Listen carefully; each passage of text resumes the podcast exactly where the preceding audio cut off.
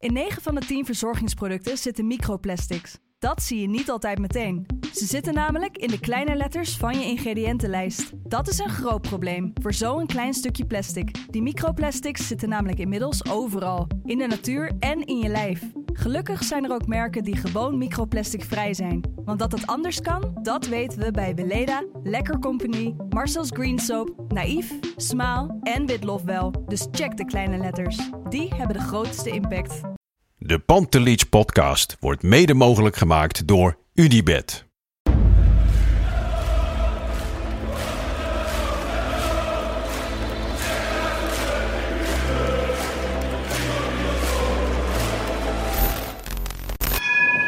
For me, they can have just lot of goals, lot of fun, and some some other things. 5-0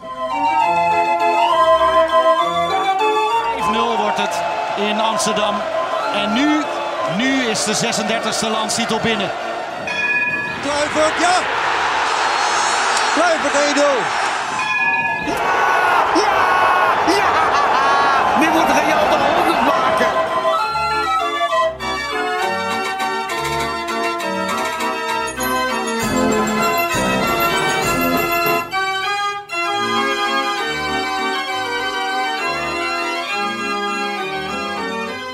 Het einde van het jaar nadert en eh, het WK voetbal zit erop. De focus kan weer op Ajax. En wij dachten dan ook, laten we nog even voor de feestdagen een Pantelich podcast maken.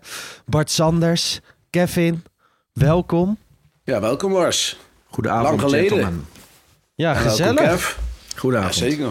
Zo Zeker met z'n gezellig. drieën. We gaan even terugkijken op het jaar 2022. We gaan vooruitkijken naar het jaar 2023. Het was niet per se het allerbeste jaar. Misschien hangt er wel een beetje een negatieve vibe op het moment. Maar we gaan toch proberen enigszins positief af te sluiten, of niet, Kevin? Eh, het wordt zoeken, denk ik, Lars. Ja, ben je zo negatief op dit moment? Nou, nee, ja, kijk, weet je, misschien is het negatieve sentiment blijft nu een beetje hangen. eh, dus de nasmaak van de afgelopen halve seizoen. Maar ja, goed, we zijn wel gewoon kampioen geworden vorig seizoen. En ja, dat telt ook gewoon mee met het jaar natuurlijk. Ja, Ja. hoe is het met jou, eh, Bart? Ja, ja, het is een beetje hetzelfde wel. Alleen eh, ja, Kevin en ik eh, staan er iets anders in. In die zin dat Kevin wat emotioneler is en ik wat rationeler. Ja, en beide is niet verkeerd en beide is niet goed. Het is allebei prima. Dus eh, ja, ik, eh, ik, ik moet zeggen dat ik, het, eh, dat ik er niet echt een heel goed gevoel aan heb aan, het, aan de komende weken. Maar eh, ik ben vooral benieuwd wat ze deze maand, eh, aankomende maand nog gaan doen. En met name op de transfermarkt. Want dat zal denk ik een hoop bepalen ook. Ja, de transfermarkt, je benoemt hem even. Ik zat eh, de krant te lezen en dan lees ik opeens Huntelaar en AS Monaco. Onzin. Ja? Ja, joh, tuurlijk. Nou, ik, heb, ik kan me er ook geen voorstelling bij maken. Alleen, eh, ja, je weet het nooit. De- de- op een of andere manier eh, zijn er toch nog clubs die aan eh, oud-spelers beginnen... die geen enkele staat van dienst Nee, ergens ik, hebben. ik, ik kan het me niet voorstellen. Kijk, het is iets te toevallig dat, eh, dat de heren het zat zijn dat er bij Ajax nog geen knopen zijn doorgehakt eh, met betrekking tot een vaste aanstelling van een technisch directeur. En eh, ja, ik bedoel, de track record van Huntelaar is nou, nou niet bepaald echt zo goed dat je kan zeggen van dat Monaco gaat komen. Nee, ik snap wat je zegt, Lars. Maar op een of andere manier, wij hebben altijd het idee dat het allemaal super professioneel gaat in die voetbalwereld. Maar Maar in het is verleden, waarom zou het Paris Saint-Germain aan Max wel beginnen? Waarom zou eh, Ja, Barcelona aan is Kluivert beginnen? is. Ik noem maar wat. Eh, ja, ik weet het niet. Soms weet je het niet. En, maar het, het meest logische is wel wat jij eh, benoemt, denk ik. Ja, dat denk ik ook. En wat jij zegt klopt ook. Hè. Ik, eh, een bekend voetbaljournalist die zei altijd tegen mij... het is helemaal niet anders bij zo'n topclub als bij de amateurclub De Hoek. Op heel veel facetten. Dus eh, daar heb je wel een punt. Nou ja, wat dat betreft eh, lijkt Ajax deze eerste seizoen zelfs af en toe zeker op die amateurclub op de hoek. Ehm, toch? Ja, als je het mij vraagt wel. Ja, zeker als je ziet wat er allemaal uitlijkt en wat we horen en eh, wat er gebeurt. Dat sowieso. Ja. Ja, veel tumult om wat er allemaal uitlekt. Hè? We, we- jullie doen er ook wel eens aan mee. Jullie komen ook wel eens Ja. met dingetjes op, Ja. op Twitter. Is dat nou goed of slecht voor, eh, voor Ajax? Eh, ja, ik vind het erg dubbel. Want enerzijds wil je natuurlijk weten wat er intern speelt. En dan kun je er mogelijk nog een beetje tegengas tegen geven. De andere kant is, als, hè, als alle spreekwoordelijke neuzen dezelfde kant op staan... dan hoor je minder. Want dan is iedereen tevreden en dan is er één team... en dan is er ook weinig behoefte aan eh, lekken of weer onvrede uiten. Dus ja, eh, wij zijn van die fetischisten die alles willen weten. En aan de ene kant is het natuurlijk lekker dat je wel eens wat hoort, omdat je er dan wat mee kan. Maar aan de andere kant, als het goed gaat, dan eh, hoeft het ook niet per se van Ja, mij. ik heb, ik heb ook dan niet de noodzaak, Kevin, meer echt om alles maar klakkeloos te brengen. Wat we horen, weet je wel. Nee, ik nee, denk maar- ook van wat wij er uiteindelijk... eh Dat- bij er als club niet mee gebaat ook. Hè? Dat er sommige Nee. dingen eh, op, de, op de tafel komen. Dat je denkt Maar- van ja... hm. Bijvoorbeeld, eh, eh, Bart, eh, ja, sommige, als je alles hoort, eh, of- als, zeg maar, alles wat je hoort, als je dat brengt, inderdaad. Net als Karsdorp. Ben ik een maandje terug, eh, kwam dat ons al eh, ter oren, zeg maar. Mhm. Daar hebben we al over zitten lachen. Ja, ja, je werd er niet vrolijk van natuurlijk. Nee, maar- tuurlijk niet. Nou ja, op een gegeven moment, hè, ik, ik las dat van Karsdorp natuurlijk ook. Alle Ajaxiden lazen dat. Ajax gaat komende maand de markt op, wil vijf spelers halen, waaronder een rechtsback. Dan is het niet heel gek dat je aan het oriënteren bent en dat je, ehm, dat je veel aan bellen bent, praten bent. Mhm. En oriënteren in de voetbalwereld betekent nog lang niet aantrekken, toch? Nee, en ik, ik geloof ook dat het niet gaat gebeuren hoor. Alleen, eh, ja, praten hoeft voor mij al niet, zeg maar. Nee.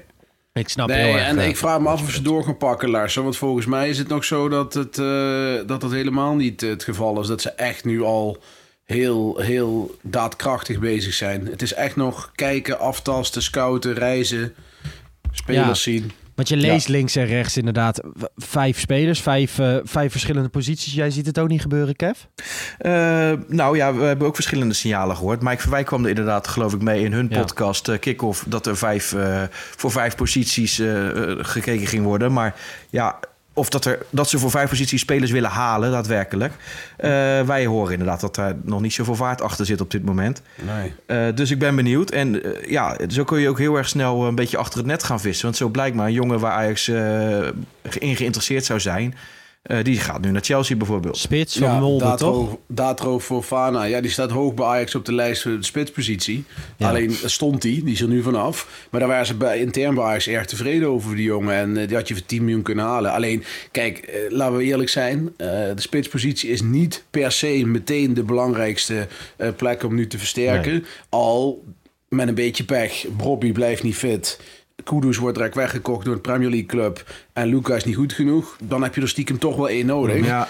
Eh, maar ja, eh, Chelsea eh, wilde, hem, wilde hem nu al halen. Dus dat is niet zwak van Ajax of zo. Maar ze hebben, ja, Chelsea was iets proactiever hierin. Dat En, gebeurt natuurlijk heel vaak. Hè? Dat de tuurlijk. spelers van jou, Uiteraard. die jij op de lijst hebt Ja. staan, door andere clubs worden maar gekocht. er staan er nog veel meer op de lijst. Dus dat, wat dat betreft, als ze spits willen halen, dan gaat hij wel komen.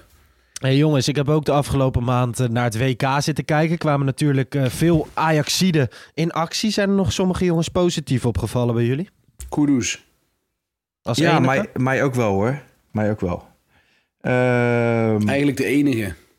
Ja, nou ja, wa- wa- wat mij vooral opviel, inderdaad, Kudus, op, hij speelde op rechts hè, bij Ghana, want er is, Ja. was geen plaats eh, in de spits en op 10.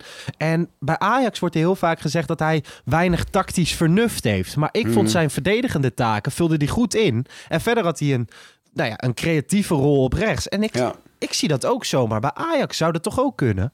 In ieder geval een keer proberen. ja. Ik vind wel dat je dan ergens op het veld eh, diepte moet hebben. Hmm. Omdat hij te veel die bal komt halen. Maar ja, in de Mhm. eerste seizoen zat dat je ook geen diepte, toch? Nee, nou, ik vond dat ook een groot probleem.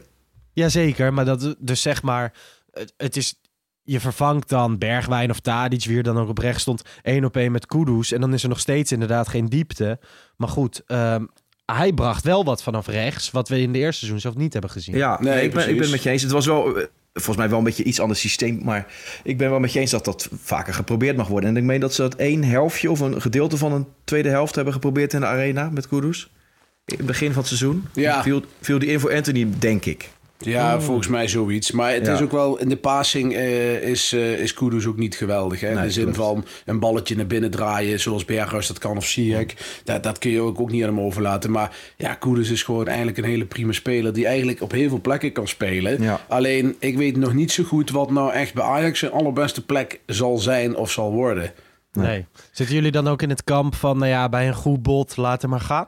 Nou, ik wel, maar dat is meer omdat hij eh, zelf hier ook niet zo nodig meer wil voetballen. Dus ik heb wel het gevoel van, oké, als we dan toch... Ja, er hangt nu zo'n negatief sentiment eh, rond Ajax. Ik- Laten we het dan in ieder geval doen met jongens die hier willen voetballen. Want dat heb je dan, eh, dat heb je dan gehoord of zo? Nou ja, hij is, toch- het is wel bekend dat hij graag zou willen verkassen. Hij en onder andere Alvarez. Ja, nee, precies. Die twee... eh, kijk, Kudus zou eh, bijna graag naar de Premier League gaan, uiteraard. En, en Alvarez eigenlijk ook. Ja, voor die jongens kun je zo 90 miljoen eh, ophalen, hè, voor die twee. Dat is helemaal Ja, niet gek. En ja, dat is het enige probleem is dan, wat ga je dan weer doen met dat geld?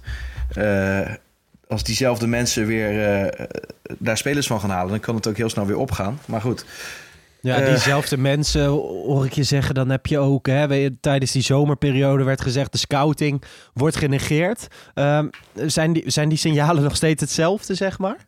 nou, dat, kijk, dat weet ik, daar weet ik het fijne niet van. Maar er zijn een aantal mensen verantwoordelijk. Ja, eh, het is moeilijk om aan te wijzen, daar hebben we het al vaker over gehad, om, om aan te wijzen wie dat dan precies zijn. Want uiteindelijk, eh, wat we zeggen, Hamstra en Huntelaar hebben geen mandaat, dus zou Sar verantwoordelijk moeten zijn. Ja. Eh, ja, er is gewoon hard gefaald, waardoor ze eh, met behulp van uh, zaakwaarnemer Milos eh, een hele hoop deals hebben moeten maken. Ja, dat lijkt me niet de ideale manier, maar goed. Nee. Nee, Ajax ja. zit op dit moment wel echt heel dik in België, Frankrijk en Zuid-Amerika. Dat zijn wel echt de landen waar ze, waar ze veel scouten. En eh, ja, ik, de hoofdscout van Ajax gaat ook weer op pad, eh, begreep ik. Eh, de, de scouting is druk bezig geweest in, eh, in Argentinië, uh, niet zo heel lang geleden. Daar hebben ze Boel in kaart gebracht. Huntelaar is samen met Doesburg naar Brazilië gegaan. Nou, daar waren foto's van, dus dat was ook niet zo moeilijk om dat Nee. eh, te, te vinden. Maar ja, dat zegt genoeg. En eh, ik denk dat ze daar wel, eh, daar wel hebben gekeken naar directe versterkingen. Want daar, daar zullen ze wel voor gaan. Ja. Hey, eh Klaassen speelde veel bij het Nederlands elftal. Berghuis miste een penalty. Tadic teleurstellend. WK bij, eh, bij Servië. Pasveer zat op de bank. Ehm, wat mij het meeste zorg baarde is dat eh, ik toch wel had gehoopt dat Bergwijn iets van zijn vorm ging terugvinden. Heeft Ja. hij niet gedaan, hè? Nee, nee. Ja, wat ik vind is dat daar nogmaals maar eens eh, ja, eh, bleek, dus ten opzichte van eerdere keren dat we met Nederlands elftal zagen, dat hij gewoon een x aantal procent minder fit oogt. Maar goed, ik, ik kan Ja, het je, niet bedoelt dat meten. hij, je bedoelt dat hij er bollig eruit ziet. Nou, nee, nee, minder fit als in de zin van geef eens gas, ga eens, Ja, maar de, geef, ga die dat- hoeken in, weet je? Ik heb bij hem het idee dat het soms ook gewoon onwil is in plaats van eh, fit of zo. Dat, dat- ja, ik, vind Ja. Het, eh, ik vind het ook een hele lastige speler om, om, om te scannen wat dat betreft. Want als je het begin van het seizoen zag. Ja, Ja. toen dachten wij ook, Kevin, eh, na vier, vijf potjes van eh, Jezus Christus, dit wordt eh, 30 goals en 30 Ja. assists. Ja. Ja, en die valt terug. De, eigenlijk sinds het Kudus in de spits kwam, is hij teruggevallen. En, en een paar kleine vlaagjes her en der. En verder gewoon niet meer gezien. En ook bij Nederlands Auto. Hij staat zelfs in het slechtste elftal van eh whoscored.com. Ja. Eh, een statistieke website van het WK. Ja, maar dat is toch bizar, want eh, voordat hij naar Ajax kwam, blonk hij uit bij het Nederlands elftal. Bedoel, Ja. ondanks dat hij niet speelde bij Nou, Spurs, tijdens- tijdens was hij bij het Nederlands ja. elftal was hij onomstreden. Eens. Ja, Ja, dus klopt. eh, dit toernooi absoluut niet zo. zeg Nou ja, maar wat er is gebeurd dan. Ja, ja, nou ja, even, er, waren, er waren toen hij terugkwam, dan komt hij natuurlijk wel weer in de vertrouwde omgeving. Zijn vrienden wonen hier. Ehm, hè, dat, dat zijn allemaal verleidingen waar je wel weer mee om moet gaan. Ik, ik las wel Ja. dat hij alweer aan het trainen is. Vervroegd weet je, Lars, terugkomen van eh, vakantie. Sorry, sorry dat ik je onderbreek, maar eh, eh, misschien vinden veel mensen dit een makkelijk wat ik nu zeg. Maar is, zou er geen kausaal verband zijn met, met, met de energie die opgedaan wordt bij Ajax? Met, eh, met de Nou trainer ja. bedoel je? Ja, nou ja, de trainer. In ieder geval dat er heel veel spelers bijlopen die er niet zoveel zin in hebben. Ja, waar, ik denk ja. dat ook heel veel spelers gewoon met zichzelf worstelen, Kevin, op dit moment. En dat heeft er wel natuurlijk mee te maken. En je weet zelf hoe het werkt als het op, eh, op je werk een pestpleuren zo is. Ja, dan ga je ook met minder plezier. Dus Ja. dat, dat, dat vooral. En ja, ik denk dat er ook gewoon heel veel spelers eh, moeite hebben om aan te haken. Eh, op dit moment, Timber was echt totaal niet in vorm. Ehm, ja, wat je zegt, Tadic had een dip. Blind was niet zichzelf. Ja. Ja, zo kunnen we wel doorgaan. In één keer hè? rare dingen, Pasveer gaat in één keer rare dingen doen. Op, op Berghuis en, ja, Berghuis na, vond ik. ja, en, en Kudus dan op, op zijn manier. zeg ja nee, Koedas ook. Koedas ook, ja, Ja. eens. Nee, klopt. ja. ja, nou goed. Nou ja, hebben jullie Ik, verder eh, wel een klein beetje genoten van dat, eh, van dat WK voetbal? Oh, zeker wel. Ik heb een paar leuke wedstrijden gezien. Ja. hoor. Ja, nou, bij de laatste keer dat wij elkaar spraken, Bart, dat was. eh, toen zat Spanje er nog in. Toen was ik ervan Ja. overtuigd dat Spanje wereldkampioen Ja. zou gaan worden. Ja, Er was wat, niet- zei ik, wat zei ik toen eigenlijk? Brazilië, idee. denk ik. Volgens mij Brazilië, maar... Ja, volgens mij zei je Brazilië inderdaad. Ja. Geen Argentinië in elk geval. Nee.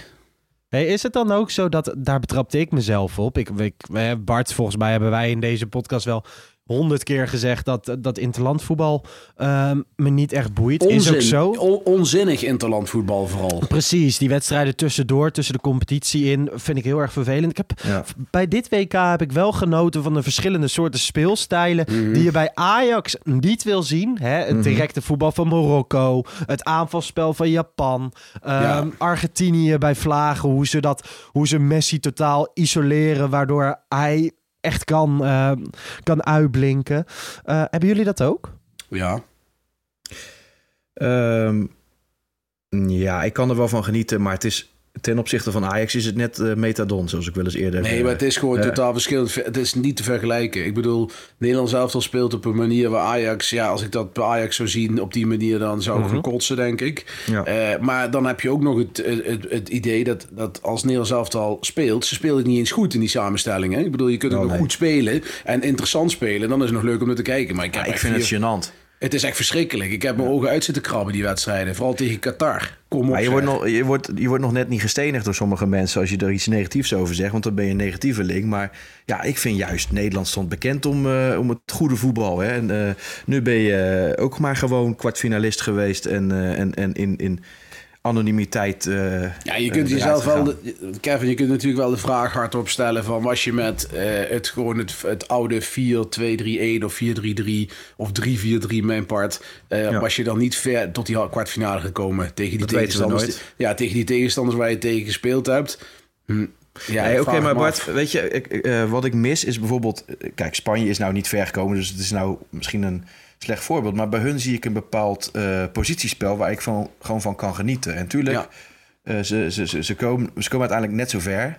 Eh, maar ik zie liever dat, verzorgd positiespel, verzorgd voetbal met een idee, dan, dan wat wij nu doen. En ik snap Nee, best dat is wel ook. Dat wij daar nu de spelers eh, voor hebben. Maar op een of andere manier kan Spanje altijd dit soort spelers Ja, leveren. dat is ook zo. Alleen je moet het ook niet ver willen vergelijken. Hè. Kijk, een clu- clubvoetbal waar je gewoon eh, de- 34 wedstrijden speelt, dat is echt iets anders. Ik bedoel, hier moet je 7, 8 wedstrijden spelen om eh, tot de finale te reiken.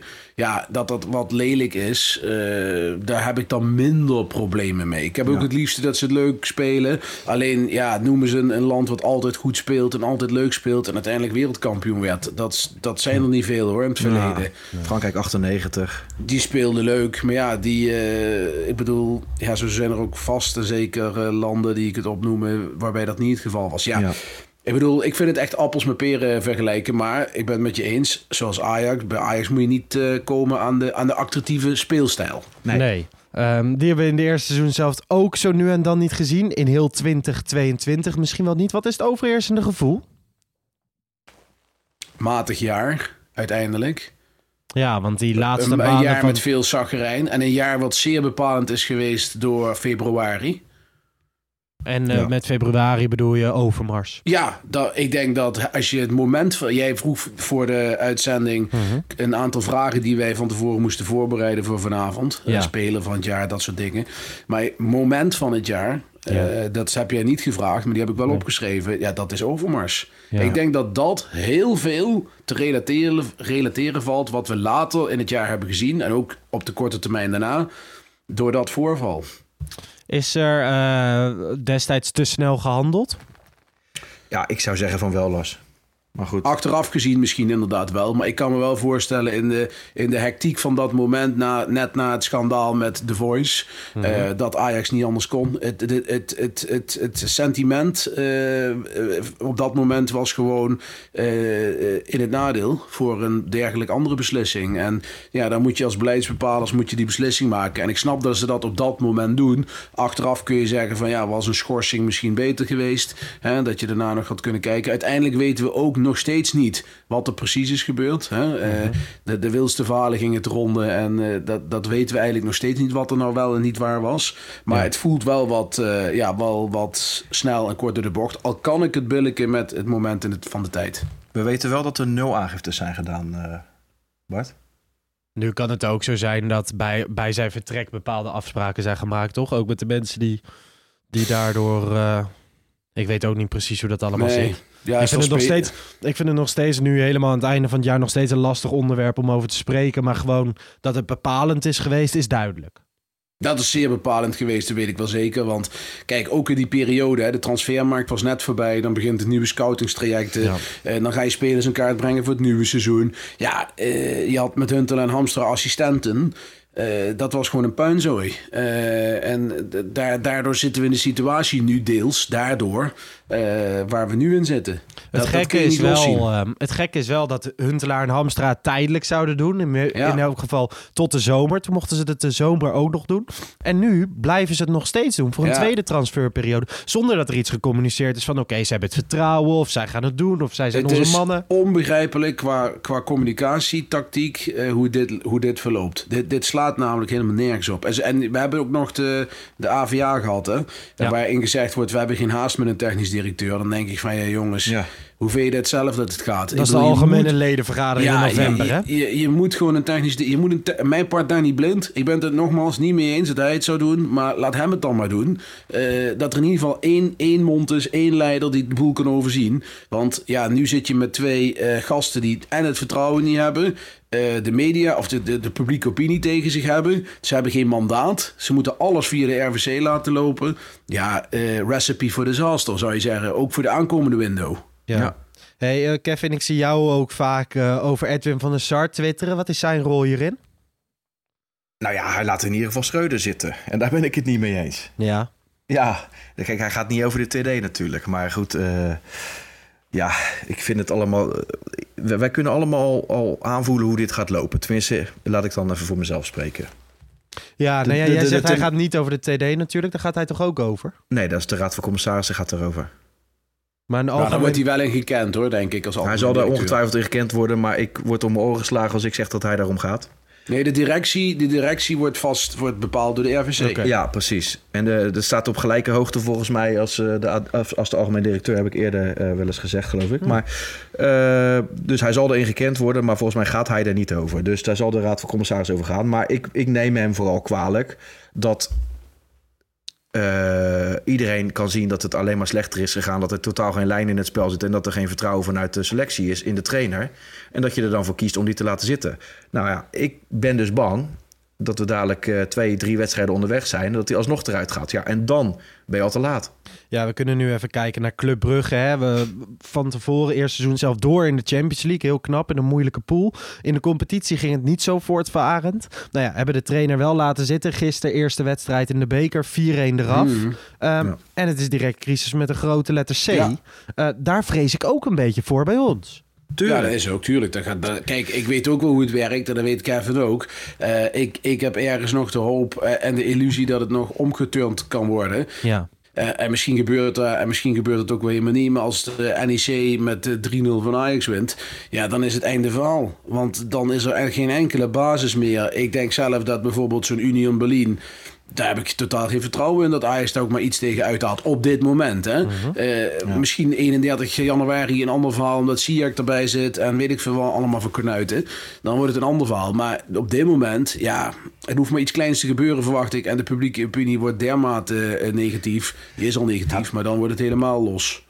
Het gaat ja. erom, Bart, dat het nergens op gebaseerd zou zijn. En uh, je ziet nu al, Ajax heeft twee oefenwedstrijden gespeeld in de winterstop. En je hoeft maar 1-0 achter te komen, 2-0 achter te komen. En de tendens wordt zo negatief. Nee, dat, dat is ook dat zo. gaat alleen maar tegen je werken. Ik, ik, ben het ook helemaal met je eens. Alleen, Ten Hag had ook Tadic en Blind nodig in de zomer... om te kunnen presteren wat hij heeft kunnen presteren.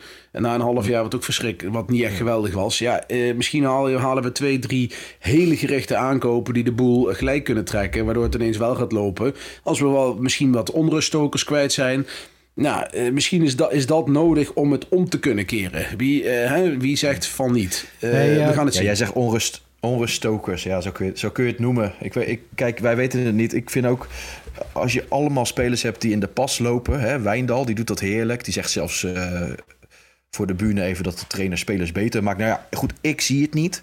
Maar dan is Blind, die is dan de, de zogenaamde onruststoker. Het kan ja. hoor, het kan. Maar wil je dan helemaal geen spelers meer die op met hun vuist op tafel slaan als het nergens naar lijkt? Als, er geen, als niemand weet hoe de druk gezet moet worden, als niemand ook maar enig positiespel. Nou, ik, heb, ik, heb ik, heb, ik heb het vooral het idee dat Daily Blind boos is omdat hij niet speelt. Niet zozeer omdat er niet geen druk gezet wordt.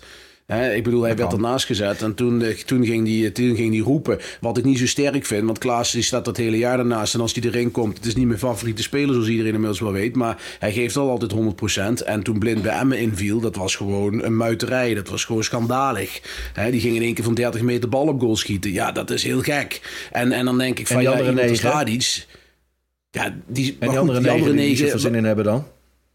Oh, nou, dat weet ik niet of dat zo is. Ik heb het idee dat bij, bij een groot deel van die groep onkunde is in plaats van, eh, van, van onwil. Die Hey, speelt ehm, tegen Emmen. Met we gaan zo meteen naar de, naar de ja, toekomst nee, kijken. ik snap het. Laten we even over wat positieve dingen eh, gaan praten. De beste speler, wie was dat voor jou, Bart? Zo, dat is even een overgang. Ja. Doe je niet blind. Nee, grapje. Eh, ja, ik zat van, toen jij daar vanmorgen vanmiddag vroeg, toen dacht ik van ja, wie moet ik daarvoor opnoemen? Kijk, ehm, als je het laatste half jaar denk je, er is er geen één goed, weet je wel. Dan moet- je wel een ja- half jaar verder terug. Het gaat dus over een heel jaar. Eh, Ik heb er twee, en die wil ik eigenlijk een beetje toelichten. Enerzijds Berghuis. Ja. Waarom? Omdat dat de speler is, vind ik, die over het hele jaar gezien heeft... eh, de minste diepe dips heeft gehad. Hij heeft ook niet echt de meeste super highs gehad, denk ik. Maar hij heeft wel heel stabiel gepresteerd. Eh, kijk, Anthony Martinez, Martinez waren natuurlijk geweldig. Maar die hebben maar respectievelijk 13 en 16 wedstrijden gespeeld voor Ajax afgelopen jaar. Zijn ook de hele tijd geblesseerd geweest. Dus dan zou ik zeggen, Berghuis met 12 goals, 13 assists goed gedaan. Tadic was natuurlijk altijd mijn favoriet, maar die heeft wel een vormdip gehad, vind ik. Dus Berghuis 1 en de tweede is Haller. En dat is meer omdat ik vind dat hij eh, en heel goed voor Ajax is geweest in die twee jaar. Echt veel eh, betekend op goalsgebied. Ja. Niet altijd de meest lekkere meevoetballer, eh, Kevin, dat zal ik beamen. Hij heeft een fijne transfersom voor Ajax betekend. En heeft ook met een enorm verschrikkelijke ziekte te maken na zijn transfer. Dus dat is meer ook uit een soort ja, emotioneel oogpunt speler van het jaar, zou ik zeggen. Eh, maar die twee had ik dus, ja. Ja, mooi. eh, schijnt in januari weer op het trainingsveld te gaan verschijnen bij Borussia Ja, is toch Dortmund. te hopen. Dus het gaat, eh, Ja. gaat de goede kant op met hem. Wie had jij, eh, Kevin? Ja, ik had toch eh, Martinez. eh, ondanks dat hij maar een half seizoen eh, nog voor ons heeft gespeeld dit jaar. Maar ook ja, eh, niet voor niets speler van het jaar geworden vorig jaar. En ook, ja, nu blijkt maar hoe vaak hij Timber uit de wind heeft gehaald. eh, als hij weer eens op, eh, op wereldreis gaat met die bal. Ja man, eh, zo, zo complementair aan elkaar dat duo. Timber is na zijn vertrek natuurlijk ook helemaal ingestort. Ja, ja kan niet anders zeggen, helaas. En dat is heel erg, eh, heel erg zonde. Zelf had ik, eh, had ik ook Berghuis. En dan voornamelijk omdat ik hem... ehm, ik vind hem op de acht positie echt bij Vlagen heel erg lekker... als hij het spel voor zich heeft. Plus, ik had nooit verwacht dat ik Berghuis in een Ajax-shirt... zo'n leuk, guitig ventje Ja. zou vinden. Hè? Op persconferenties, interviews. Hij is echt helemaal opengebloeid sinds hij eh, dat, dat Ajax-shirt draagt. En dat komt waarschijnlijk omdat hij, ja, hij voetbalt met zijn vrienden samen. Daley Blind, Davy Klaassen. Hij zit echt in dat groepje. Eh, en hij lijkt het gewoon heel erg naar zijn zin te hebben. Veel lachen. Ja, ik kan, me er wel, ik kan me er wel in vinden ook wel, Las. En, en wat me ook opvalt is sinds hij dan vorig seizoen... is hij daar dan een beetje gaan spelen, denk ik. Ja. Ik denk precies een jaar geleden op acht. En in het begin was hij verdedigend nog wel kwetsbaar... maar ik vind hem daar ook echt beter in geworden. In zijn verdedigende taken. Ja, ik, Ja. Moet, ik moet ook zeggen, je hebt natuurlijk ook, hè, dit seizoen eh, zien we veel Kenneth Taylor daar. Die heeft dan toch zijn doorbraak gekend op een moment dat eigenlijk niemand het meer had verwacht. Maar ik zie daar toch Ja. in heel veel wedstrijden liever Berghuis. Wat ook deze eerste seizoen zelfs. Ik heb nog steeds wel met twijfels bij Kenneth Taylor. Ja, ik zou hem dan Nou, weer liever ik op 10 niet, zien. ja. Ja, dat hebben we nog nooit gezien. Berghuis. Of Nee, Taylor. Taylor. Nee, ze hebben het... Ja, Taylor, Taylor. Dat je Berghuis op 8 en Taylor op 10. Want ik vind Taylor is defensief kwetsbaar. Maar hij heeft wel een, een ah, best wel aardig loopvermogen. Hij kan de 16 in komen. Hij heeft een, een aardige steekbal. En hij kan met twee benen toch wel behoorlijk schieten ook. Dus ja, ik zie dat wel. En ik zou dat best wel... Volgens mij is het ook een aantal keer gebeurd al hoor. Maar eh, begin van het seizoen, Johan Cruijffschaal speelde ze andersom. Speelde Berghuis op 10 en Taylor op 8. En volgens mij later in het seizoen hebben ze het ook wel eens omgedraaid. En ja, ik zie dat liever eerlijk gezegd. Ja, ik snap wat je zegt, Kevin. Ik vind het enige nadeel bij, bij Taylor vind ik dat ik tot op heden hem niet heel daadkrachtig voor het doel vind. In de zin van eh, eh, ballen afmaken, weet je wel? Of, of Oké, nou... ik heb het, ik, ik heb het idee dat hij een beetje in de stress... Ja, dat geloof ik. Maar dat hij een beetje in de stress raakt als hij eh, de kans krijgt. Ik heb vaak een blo- geblokt schot of half geraakt of... Dat heb ik een beetje bij hem het gevoel. Maar ja, het, we, zouden het kunnen proberen. Ik zou hem ook nog steeds als jouw stokpaardje als rechtsback achter zien. Ja, Ja, nou, inderdaad. Dat is ook een, eh, een idee. Een, een beetje de gespiegelde zinkgraven had ik een beetje voor ogen. Ja, Maar, ja. goed. Theorieën die kunnen ook altijd heel leuk zijn, maar in de praktijk kan het heel erg tegenvallen. Zoals ik ook een heel lang Fitz Jim als rechtsback eh, Ja. voor ogen had. Toen, toen probeerde Schreuder tegen, tegen Shakhtar en daar was ik eigenlijk wel weer van teruggekomen. dus, eh, Hey, ehm, favoriete speler, dat is natuurlijk wat anders dan beste speler. Wie hebben jullie Ja. daar? Ja, voor het hele jaar. Dus ik, kijk, ik heb vooral gekeken naar spelers die het meeste favoriete speler voor mij blijft. eh, eh, in principe Tadic. Ja. Gewoon omdat ik dat, dat is de eindbaas, eh, de aanvoerder, ondanks zijn vormdip en ik af en toe ook gescholden heb. Maar dit, ja, ik bedoel, kijk, we hebben het net over Daily Blind gehad. Tadic is iemand die houdt de boel bij elkaar, zet de boel op scherp. is echt een leider, een echte Ajaxiet. Eh, ja, fantastische speler. Nou ja, als je naar deze eerste seizoen zelf bijvoorbeeld kijkt en dan naar kansen gecreëerd, dan heeft Dusan Tadic er 59, Ja. Berghuis op nummer 2 met 26. Ja, Hè? maar kijken. Ehm, goals en assist is nog steeds samen 12. Assist 9, goals 3. Ehm, hij, hij speelt veel wedstrijden matig, maar zijn cijfers zijn nog steeds heel erg Ja, goed. Hetzelfde geldt voor goed. Blind. Ja. Eh, kijk, aan de bal en zo, eh, allemaal geweldig.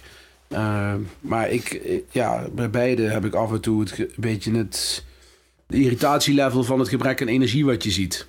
Laat ik het dan zo noemen.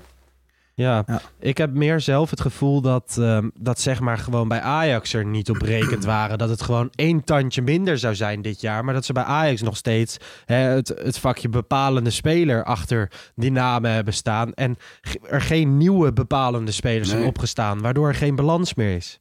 Nee, kijk, als je Ja. uiteindelijk echt als topclub zeg maar weer die hoge lat wil gaan aantikken, dan had je eigenlijk afgelopen seizoen juist iemand als Dedy Blind door moeten selecteren en Martinez moeten houden met een, weet ik veel, een fee of wat, whatever. Dat zou de logische stap geweest zijn, dat je Bassi daarachter kunnen laten rijpen. Eh, dat was denk ik eh, uiteraard een betere optie geweest. Alleen ja, in die positie zit Ajax niet, want die jongens waren al drie jaar bij Ajax, ja, en die zitten midden in hun carrière, die willen dan weg. En Tadic en Blind zitten op het laatste station. Ja. En ik denk dat Ziyech nog wel eens geweldig was geweest als, als een van de dragende spelers. Maar goed, Oh, eh, zeker.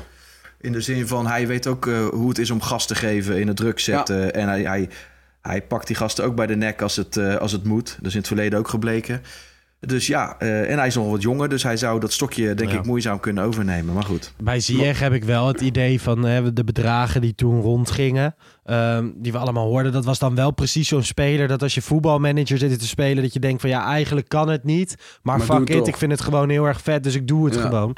Maar dat het wel een beetje Ik weet niet of die onverstandig was bedragen kloppen, want anders ga je toch niet in gesprek. Maar die, die bedragen die ik hoorde, dat, dat was wel heel ver uit elkaar. Maar Maar, het ging toen over huren, toch? Ajax wilde huren. ja, en hij wilde niet gehuurd worden. niet. Maar, Ehm, en hij heeft bij Chelsea gewoon een salaris van om en nabij 10 miljoen. Dus dan zou hij de helft moeten inleveren. Nou ja, dat doet geen voetballer tegenwoordig Hm. meer. Maar verta- nou ja, ik denk dat hij wel wilde inleveren. Maar vertaal het eens naar hoe, hoe de, de, het contractdeal met, met Tadic is eh, ontstaan. Die, die loopt volgens mij tot zijn vijftigste, dat contract zogenaamd. Nou, 2026, is toch? gewoon creatief gedaan. Nee, dat het klopt. Maar je krijgt natuurlijk voor die laatste drie jaar eh, veel minder uitbetaald. Hè? Dat, is een beetje, dat is een beetje het verhaal. Omdat hij tot eigenlijk officieel volgens mij tot 2024 als speler is. En daarna als trainer. Het kan Ja, gaat hij trainen, 25 zijn. Maar daardoor is het uitgesmeerd. En eh, dat is slimmigheidje. Volgens mij verdient Ziyech eh, is het 10 miljoen bruto. Maar ik hoorde 6 miljoen netto. Hm. Dus ja, dat is voor Ajax denk ik wel te veel. Maar als je hem voor 15 miljoen kan halen bijvoorbeeld, dan zou ik het wel doen. Kijk, vorig jaar zeiden ze 25 of van de zomer. Ja, dat vind ik ook wel veel. Want je gaat er en niks meer op verdienen. Het is gewoon een investering die je moet doen, die je uit moet smeren. Eh, eh, en je haalt hem als soort van Tadic een paar jaar terug. Maar het is maar net hoe je het, hoe je het bekijkt natuurlijk. Hè? Wat haal je eruit? Hoeveel Nee, dan- spelers gaat hij beter maken? Als Nee, je ook maar- Campos maar- had gehaald maar- voor 20, dan had nee, je maar- ook... eh, Daar ben ik helemaal met je eens. Maar daarom zeg ik, net zoals Tadic, Tadic heeft straks geen restwaarde. Maar die heeft natuurlijk Ja. on, onmuntend veel waarde gecreëerd. Ja. Eh, eh, en dat kan voor Ziyech ook gelden. Dus zo kun je het ook zien. Dus ik denk dat, dat, als, dat als dat kan voor een relatief redelijke prijs, dat je dat, Ja. eh, dat, je dat moet doen. Zolang je die, die balans maar bewaakt. Hè? Dat je een paar jonge gasten erachter Ja. hebt die wel restwaarde hebben. En, en, en hij dan als, eh, ja, als senior. Hè? Maar goed. Zeker. Hey, eh, Kev, jouw favoriete speler? Moeten we dat überhaupt nog vragen? Ja, nee, dat, dat is Bobby, maar dat, eh, dat, dat spreekt voor zich, denk ik. Maar dat Ja. is gewoon ook eh, als persoon, maar ook, ook als speler. Hoor. Alleen ik, ik hoop wel dat hij, eh, dat hij, wat, dat hij met zijn fitheid, dat, dat geworstel, dat dat... eh, verholpen gaat worden. Ja, man. Ja, dat eh, wordt wel een probleem hè, als dat niet verholpen wordt. Ja, daar ben ik met je eens. Ik hoop van harte en ook voor hem en voor ook, vooral ook voor ons dat dat... eh, In principe heeft Ajax helemaal geen spits nodig als hij drie wedstrijden in de week kan spelen. ja. Maar Nee. dat, dat is nog niet gelukt sinds zijn dertiende, dus dan wordt het wel heel lastig. Drie wedstrijden Ja, in de week is nog, eh, nog erg ver voor, voor hem. Ja, ik heb toch wel gewoon, eh, gewoon Timber als favoriete speler dit seizoen. Omdat ik zo erg genoten heb van zijn spel vorig, vorig seizoen. En hoe, hoe erg hij toen al een leider was in de defensie. En ik hoop gewoon een klein beetje dat we dat komend seizoen eh, of Ja. komend jaar weer een klein beetje terug gaan zien. Ehm, mooiste wedstrijd? Van jou, Kev? Laten we jou maar eerst Ik heb, eh, ja, het was, het was goed zoeken. Eh, maar uiteindelijk, ja, de kampioenswedstrijd tegen Herenveen die we met 5-0 wonnen, dat was uiteindelijk in de arena geweldig hoor. Na een, een beetje een klote maand, wat Ajax betreft, 4-4-2. En Ja. ik, ik vreesde eigenlijk nog wel een beetje voor die avond, maar uiteindelijk eh, geen vuiltje aan de lucht. Ajax maakte het geweldig af, waardoor die smaak blijft dan hangen hè, op het Ja. laatst, voor mij dan. Ja, zeker. Ik denk dat Ten Hag... eh, hè, gisteren had hij toevallig een interview eh, bij Voetbal Internationals met Freek Jansen. En, eh, en daarin zei hij ook dat hij het meest trots was op die laatste maanden... omdat hij had geen buitenspelers meer over, zei hij zelf. Ja. Eh, hij moest 4-4-2 gaan spelen. Mm. Het liep allemaal niet meer, maar toch hebben ze die titel uit het vuur gesleept. En het was echt niet de mooiste van allemaal. Maar het was wel... eh, het blijft lekker om kampioen te worden natuurlijk. 100%. Dat was tegelijkertijd ook mijn mooiste herinnering hoor. Ja, Van afgelopen. Ja, zeker. Ja, Tuurlijk. ik moet zeggen, ik had die klassieker met Anthony in die allerlaatste minuten. Dat, is- dat Oh, heb ik heerlijk, echt ja. lang niet gehad zegt. bij, eh, Ja. Nou, bij Ajax, man. Dat je bij hè, die klassiekers, heel eerlijk, zeker in de, in de arena, werden ze met enige regelmaat toch vrij simpel gewonnen. Maar ging je nooit super voldaan weg. Maar deze was wel lekker, hè? Deze was lekker, maar ik vond dat we grote delen van de wedstrijd eh, niet goed speelden. Alleen inderdaad, dat maakt geen, geen reet uit als je hem op deze manier nog over de streep trekt. Nee. Wat had jij, Bart? Ik had PSV Ajax. En om de simpele Ja. reden, niet dat het een geweldige wedstrijd was, maar vooral omdat eh, eh, heel Calimero Nederland na de wedstrijd tot een wiskundige erbij liet halen met waterpas en weet ik het allemaal, of die Ja. bal over de lijn was. En dat was een heerlijk weekend, kan ik me toen herinneren. Want Toen was de wereld echt heel klein op dat moment in Nederland. dit WK had je bij Japan-Duitsland ook weer zo'n Ja, moment. iedereen geval. terug, hè? Maar mensen blijven maar, mensen blijven maar roepen en niet snappen. Dat, dat, dat, ik blijf dat fascinerend vinden. Ja, we zullen het nooit weten, maar vooral het, ik vond het gedrag rondom dat moment en, die, en dat we op die manier de wedstrijd wonnen en vooral de reacties daarna. Ja, Ja, dat was wel heerlijk. Hey, ehm, ik ehm, had als mooiste herinnering. Ik ben natuurlijk naar, eh, naar Bramberg geweest. Dat trainingskamp begin dit seizoen. Oh ja. Nou, dat, dat vond ik wel heel erg vet hoor. Om gewoon daar Ajax een week lang te zien trainen. Al die gastjes komen langs op de, op de fiets. Bessie werd toen aangekocht. Nou ja, de, de lucht was zwanger van verwachting. Een nieuwe trainer, nieuwe spelers. Je had ook zin in een frisse wind. Hè, dat dat uiteindelijk niet zo uitpakt. Nou ja, dat weten we nu allemaal. Maar toen, ja, dat was echt een van de mooiste weken als Ajax-supporter, denk ik. Heerlijk. Maar ja, maar dat soort dingen blijven altijd geweldig, de- jij bent ook eh, de afgelopen drie Champions League uitwedstrijden overal Ja. geweest. En ik ben dan naar Rangers en Liverpool geweest. En oké, Liverpool qua wedstrijd vond ik zwaar kut. Voor mij Ja. de bevestiging dat we het niet meer gingen doen tegen de grotere clubs. Ja. Eh, maar qua trip is het altijd geweldig om met je vrienden, met Ajax weg te zijn, et cetera. Dat, eh, dat, dat, dat hoort ook gewoon bij de beste herinnering, Ja. hoor. Nou ja, mijn, mijn nou ja, droom is groot. Maar eh, mij lijkt het dus heel erg vet als je bijvoorbeeld zo'n Bramberg hebt. Hè, ko- komende zomer gaan ze weer. Om dan zoals een soort, soort avondetappe, hè, wat, de, wat de Tour de France altijd heeft. Dat wij met z'n drieën lekker naar Bramberg gaan. En dat we dan elke avond daar lekker met een glaasje wijn en een Ja, biertje ik, nemen. ik, lekker zou, die ik ben er podcast op. voorstander van hoor.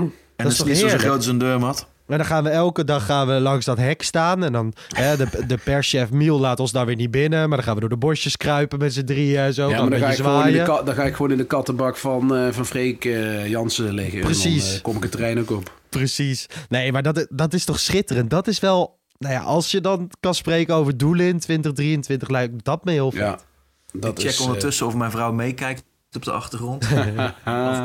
Of, of ze het hoort, nou ja, ze laat jou vrij vaak gaan. Dus Ja, als jij hoor. je gedraagt Ja, deze kerst, dan, eh, dan moet het goed komen. ja, maar ik ben benieuwd wat die rit alleen al, dat wij 12 uur voor Ajax gaan lullen, Kevin. Dat wordt wat.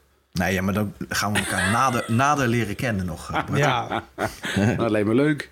Ajax CD op uit 1995. Danny Lucas, Ja, hè? precies, Danny Ja, Lucas Danny erbij. Lucas, ja. Hey jongens, mooiste goal, jouw Bart? Eh, ja, ik, ik, zat, ik vond ook zoeken. Wat Kevin eh, had, had ik ook met dat doelpunt. Eh, eh, ik heb eigenlijk drie doelpunten het hardst gejuicht. Ik ben niet zo'n juicheld, zoals jullie weten. Maar ik heb drie keer heel hard gejuicht. Het was de goal van Anthony tegen Groningen. Wat ik echt een Ja. fenomenaal doelpunt ja, vond. ja. Toen zat ik op het terras ergens in, in, de, in Barcelona. Eh Kudus tegen Rangers. Vond ik lekker, fantastisch. Was een fantastisch doelpunt. En Masrui tegen PSV uiteraard, waar we het net over hadden. Die binnenkant paal, die, die knal.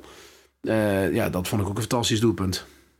Nou, mooi. Die van mij is al genoemd. Maar we, we zouden er één kiezen. Maar Bart komt er met drie. Nee, ik kwam met die van Kudus van Rangers thuis. Dat vond ik ook geweldig. Ja man. Wegdraaien en... eh, Ja, dat was echt een fantastisch doelpunt. ja, Ja, ik had, ehm, ik had dat ehm, een goal moet altijd iets, iets met je doen of zo. Goals waar je van geniet. Hè? Die moeten je in verroering brengen of zo. En dat hadden we bij Ajax natuurlijk een hele lange periode niet.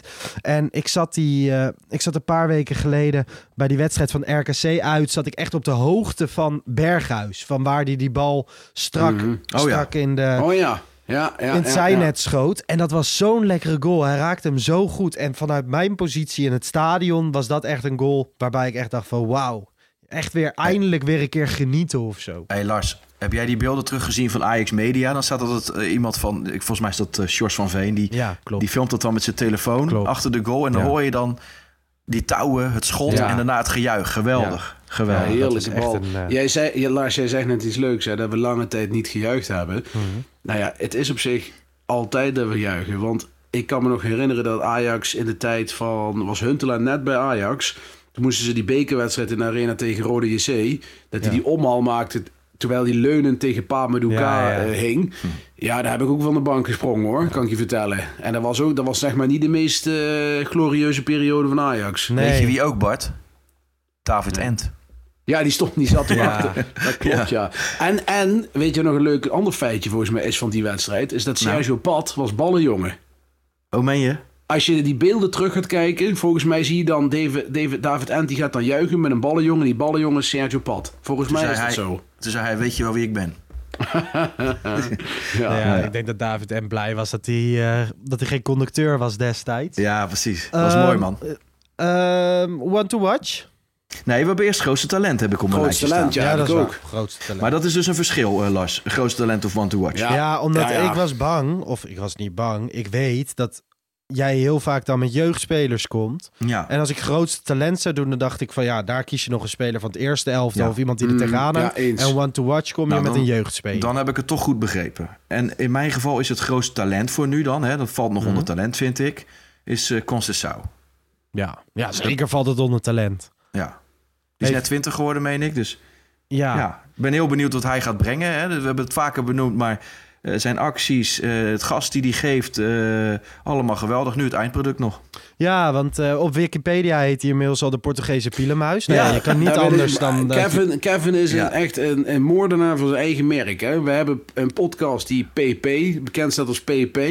En dan gaat Kevin Portugese pielenmuis introduceren. Dus nou staat PP voortaan voor Portuge- Portugese pielenmuis. Bart, sommige dingen zijn groter dan ons. ja, dat nou, daar ben, ik, eh, daar ben ik het helemaal mee eens. Maar ik had toch een trots momentje hoor, toen ik begreep dat het Ja. op Wikipedia was aangepast tot Portugese pielenmuis. nou Ja, weet bijna. ik, ja, dat eh, precies. En op Wikipedia worden heel vaak dingen teruggedraaid. En dat gebeurt bij dit niet. Het is het wel klopt ook. gewoon... Ja, het klopt. Nee, maar ik denk dat de moderators van Wikipedia niet weten wat pielenmuis is. Wat is het dan?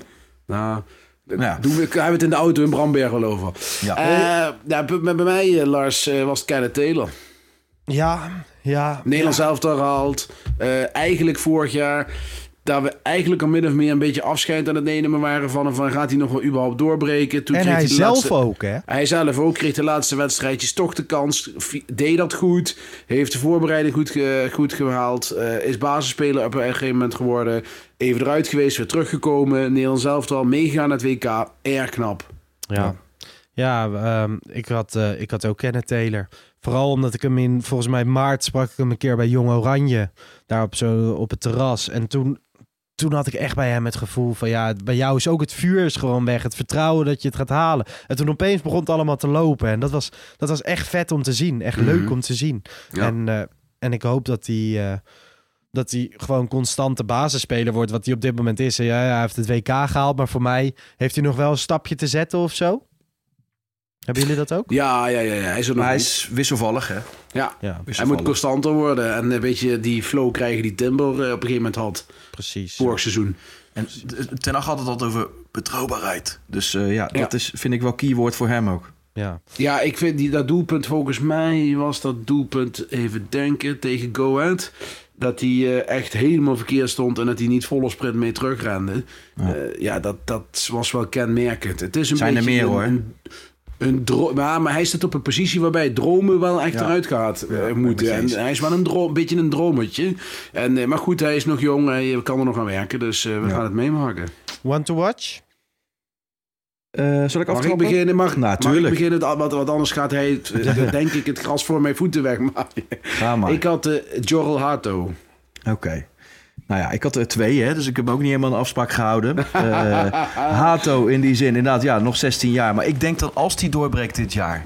en dan zal het denk ik een beetje tegen het einde van het seizoen... eh, dan denk ik toch als linksback, terwijl ik Ja. het een centrale verdediger vind. Ja. Maar hij heeft nog moeite met zijn kopduels pakken. En hij heeft wel, wat ik heb gezien tot nu toe een jong... en eerder als linksback wel een behoorlijke overlap. Maar omdat jij hem al hebt genoemd, eh, Bart... ga ik voor eh Silvano Vos. En ja, dat vind ik gewoon iemand... Hij is 17, maar hij heeft al een heel behoorlijk fysiek. En ik hoop eigenlijk dat hij ja, misschien een beetje tegen het einde van het seizoen... eerst even uitblinken in jong... en tegen het einde van het seizoen eh, misschien zijn debuutje mag maken. Ja, die jongens gaan we natuurlijk eh, steeds vaker zien bij, bij jong Ajax.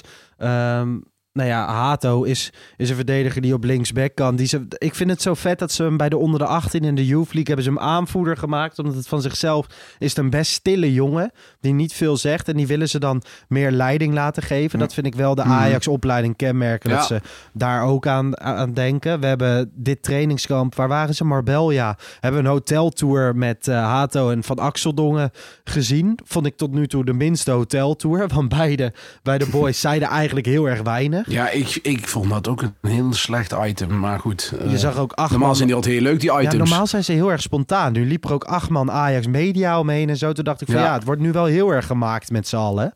Ja. Ehm, maar dit was niet de beste hoteltour. Maar op het veld verwacht ik wel heel veel van eh, Hato. Van Axel Dongen was of is een groot dilemma. Moet zijn contract nog verlengen. Ja. En is chronisch geblesseerd. Misselhooi gaan we natuurlijk steeds vaker zien bij, eh, bij Jong Ajax. En ik wil toch ook nog wel even Oliver Aartsen noemen. Hebben we al vaak benoemd, hè? een verdediger. Ja. Maar ehm, die, die zit al wel dichter bij het eerste in zijn ontwikkeling dan Ja. de, de drie moet eerder wel een stukje toch? meedogenlozer worden hoor. Ja, Kevin verla- Vind je dat vergelijkt niet? hem wel eens Ja, met eh, Joël Veldman. Ja, nee, maar ben ik... Ik vind het een beetje een, een, een ja, zonder dat die jongen daar, die ken ik niet, en dit, maar een beetje, een beetje een doetje overkomt soms. Het mag wel wat meer killer eh, worden. Heb vind het Nou, juist daar ben wel- ik, ik daar, vind het daar ben, daar ik het wel mee eens hoor. Ik, ik, vind hem sim, ik vind het wel een slimme verdediger. Ja. En ik vind hem ook, hij heeft een aardige indribbel. Ik, vind, ik vond hem tegen PSV wel goed, maar dan maakte hij ook wel weer één of twee foutjes. Dat je denkt, ja, dat moet er wel echt uit. Nou, dat had Veldman ook.